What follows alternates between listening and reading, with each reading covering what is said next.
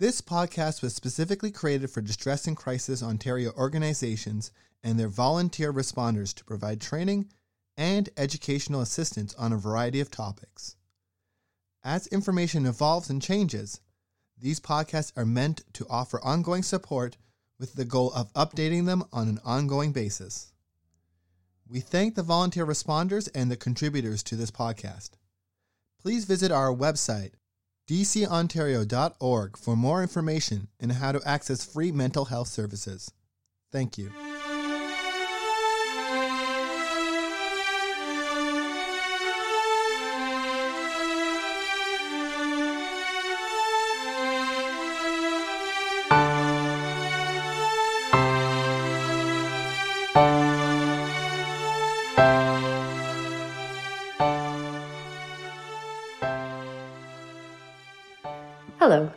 Name is Caitlin Plant, and I am the Program Manager at Distress and Crisis Ontario.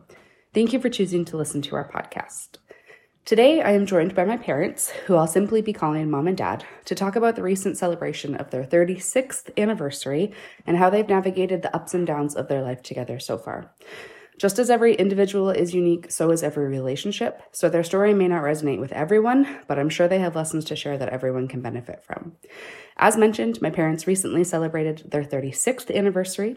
They have three adult children, including myself, and 10 grandchildren.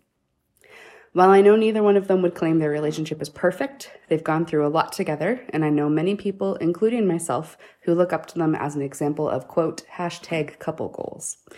Thank you to both of you for joining me today. I appreciate you taking the time to talk with me. So, to start us off, what would each of you say has been the highlight of your 36 years together? Okay, well, first of all, thanks for letting us uh, share our story or parts of it. Uh, 36 years is there's a series of highlights. There's high points. There's there's low points. There's normal relationship things. She asked for the highlights. The dear. highlights for The well, highlights. Obviously, it's every time we've had a child and or a grandchild. Like for me, those are the big ones. Um, we've had some really great adventures, traveling together, things like that. But it's it's every time that the the circle gets expanded. Um, you know, marriages, daughter-in-laws joining the family, um, all those those moments of growth, um, those moments where just relationships expand. Dad?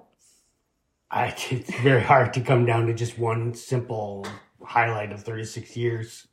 As Alma said, there's there's many different milestones along the way. I pulled my calculator out. I was going to figure out right down to the second, but that's how many highlights there were. Every second I get to spend with you, dear. Okay. So, what are some of the lessons you've learned about choosing to love one another through the many different stages of life and growing into new versions of each other? I think the powerful word there is choose. Love is romanticized that it's a feeling, um, but it's not. Sometimes there is a feeling there that is love, but it's also a choice. Um, it, it's those moments because we can all be incredibly unlovable at different times in our life, and yeah, to to bank your relationship on a feeling, um, the feelings change, but to make some deliberate choices and then to follow up on those choices, that's kind of what makes the relationship work. I would agree that it is a choice. There's a lot of choices in it, but I also don't necessarily agree with that the feelings piece because the feelings, while feelings change and fluctuate, the basic ones are still there. The reasons why are still there. Mm-hmm. But it is a choice. It is a choice every day. So, without going into detail, but knowing that you've overcome some pretty major obstacles in your years together, what was it that made you decide to push through the challenges and remain a couple? Commitment, a decision, It's a choice. Yeah. We, we took a vow. Um, and to me, a vow is, is a very serious undertaking. Um, I, I know for me, I, I can't speak for Don, but when I w- walked down that aisle, um, I, I knew that I was making a life commitment. Um, I had been very, you know, very clearly taught that growing up. But, um, you know, faith, of course, brings an aspect in that to for me as well. Um, you know, I, I have a, a faith system that also really um, seeks to honor marriage, and the vows say through the good, the bad, um, and I think we always go in there paying lip service to that, but there is good and there is bad. but that's the same for people who are single, and that's the same for people who are dating. Um, you know, just because you're married doesn't mean you're not going to have those challenges, but it does mean that you have a partner with you through those challenges. Sometimes the partner is the challenge, mm. um, and that can go either way. Um, but there's still growth there. There's still um, nurturing. There's still learning opportunities if you're willing to learn them. Um, and there's an expectation that through all those processes and changes and choices, you're both being reshaped into something. Because we were very young when we were married. I was 20. Um, and of course, you know, I'm in my 50s now. I'm a very different person, but I've reshaped with Don beside me. So we've grown into something together. Mm-hmm. Well, I don't think anything I can add to that then. No. Well, it, bottom line, we still love each other. Yeah. And, and, you know, whatever definition you give to that word, there's days when you weigh and measure. Um, everyone has those moments where do I walk out or do I stay? But then you look at the long term investment into the relationship.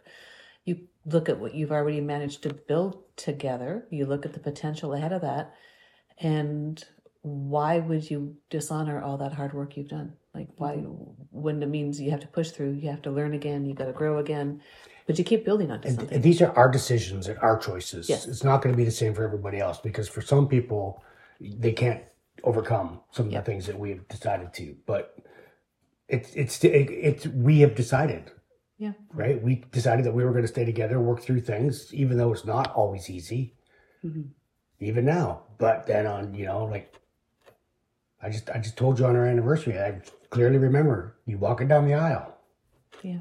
I think, yeah, I think that there are times when you can't get past certain things. Like if you're in an abusive relationship, if there are things where there's violence involved or even emotional manipulation, any sort of, yeah, really unhealthy relationship, I don't think there's any. It, it doesn't really matter how much time you've put into it. If you're being treated horribly, you need to get out. Yeah. But this isn't the case for the two of you. No, and isn't. And yeah. you know, we've done counseling, we've done things like that. When those times in our marriage when things were particularly complex, um, we sought outside help. Mm-hmm. Um, you know, and if you are in the abusive relationship, get out, um, but also get the supports that you need for both of you. Mm-hmm. You know, especially if there's children involved, um, because yeah, the relationships touch so many other people. But um, yeah, very much get your allies. You know, make your choices, communicate clearly, um, there's just so many things. We had three children that were very much, you know, affected by every decision we made. So you have to weigh and measure all of those things. Mm-hmm. So we've already given a little bit of advice in that answer already, but do you have any other advice for people that are maybe struggling in their relationships right now? Be honest about it um, with your partner. Respect each other um, it's it's really easy, particularly um, you know when you're with friends or a circle of people you trust, to fall into well, the old term would be trash talk. Um, you know, we have those trusted people that we can confide in, but if you are having problems in your marriage, keep that within your marriage. Um, have your trusted confidence, but don't make it a social circus. You know, don't put it on social media d- defend your person's reputation just like you would want them to defend yours um, whether relationship works out or not. You just conduct yourself with with high standards in the way you would want them to treat you. Um, anger jealousy all those things make it really hard sometimes but um, just make sure you have a trusted team of people around you that you can go to for mentoring or for encouraging or for coaching. Um, you know the, the people that have both of your best interests at heart are the ones that you want to talk to and I would just add to remember the reasons why. So I happen to know that I'm not the first person who has come to you for relationship advice. Uh, in fact, I know that you've easily had dozens of couples, individuals, and families come to you for support over the years. Has having so many people seek out your advice and support ever been a point of added pressure or contention in your own relationship? And if so, how do you navigate that? I don't I think that it has. No, I don't think so either. It's proven to couples around us that it's okay to argue. True. what do you mean? um, we're very transparent, particularly when we're working with other couples. Uh, the highs, the lows, that the we, we still disagree frequently. We don't agree. Yeah, frequently. We, we disagree often. Yeah, um, you know, and that's okay. Uh, and it just it's really part of the process and it's also kind of nice you know seeing um well being trusted and to be asked by that but also we learn something every time we share with another couple um you know it doesn't matter if we're pulling other resources whether we agree with those resources or not uh, there's some really bad marriage books out there but it's fun doing that together and exploring some of those conversations over and over again Good. I don't have anything more to add. So to finish on a bit of a positive note, what do you both look forward to the most for the next 36 years? Mom, this one's gonna should be entering retirement. I was gonna say, hopefully there's no more babies coming in the next 36 years, so you can't answer that one. well there'll be great grandchildren coming there's the next That's true. generation Yeah, Come that's on. true. That's true. Great grandchildren? Of course. the grandkids are getting into their teens. Some of them do the math. You know, another 10, 15 years, we get I'm the too next I'm round. too young for great grandchildren. Uh, for next 36 years. I, I hope it's just continued laughter. If you go by the first 36 years, the next 36 years should continue to be just as uncertain yet exciting and uh, interesting. I like that. Uncertain, exciting, and interesting. Yeah, it's not boring. No. It's not boring. Anyone who thinks marriage is boring, no, no, it's not. But uh, he's my best friend. You know, I and that that's really foundational. I think to everything. Yes, I love him, but he's also my best friend. And when you're doing life with your best friend, it's exciting. Is there anything else that either one of you would like to add that we haven't already talked about? No, I think we talked about you know decisions, choices. No, I'm good. Thank you. Thank you very much for having this conversation with me, and thank you for listening. I hope you have a great week. If you do need support for anything going on in your life, please remember that our members and ONTX are here. You can find all of the information in our show notes or visit our website at www.dcontario.org.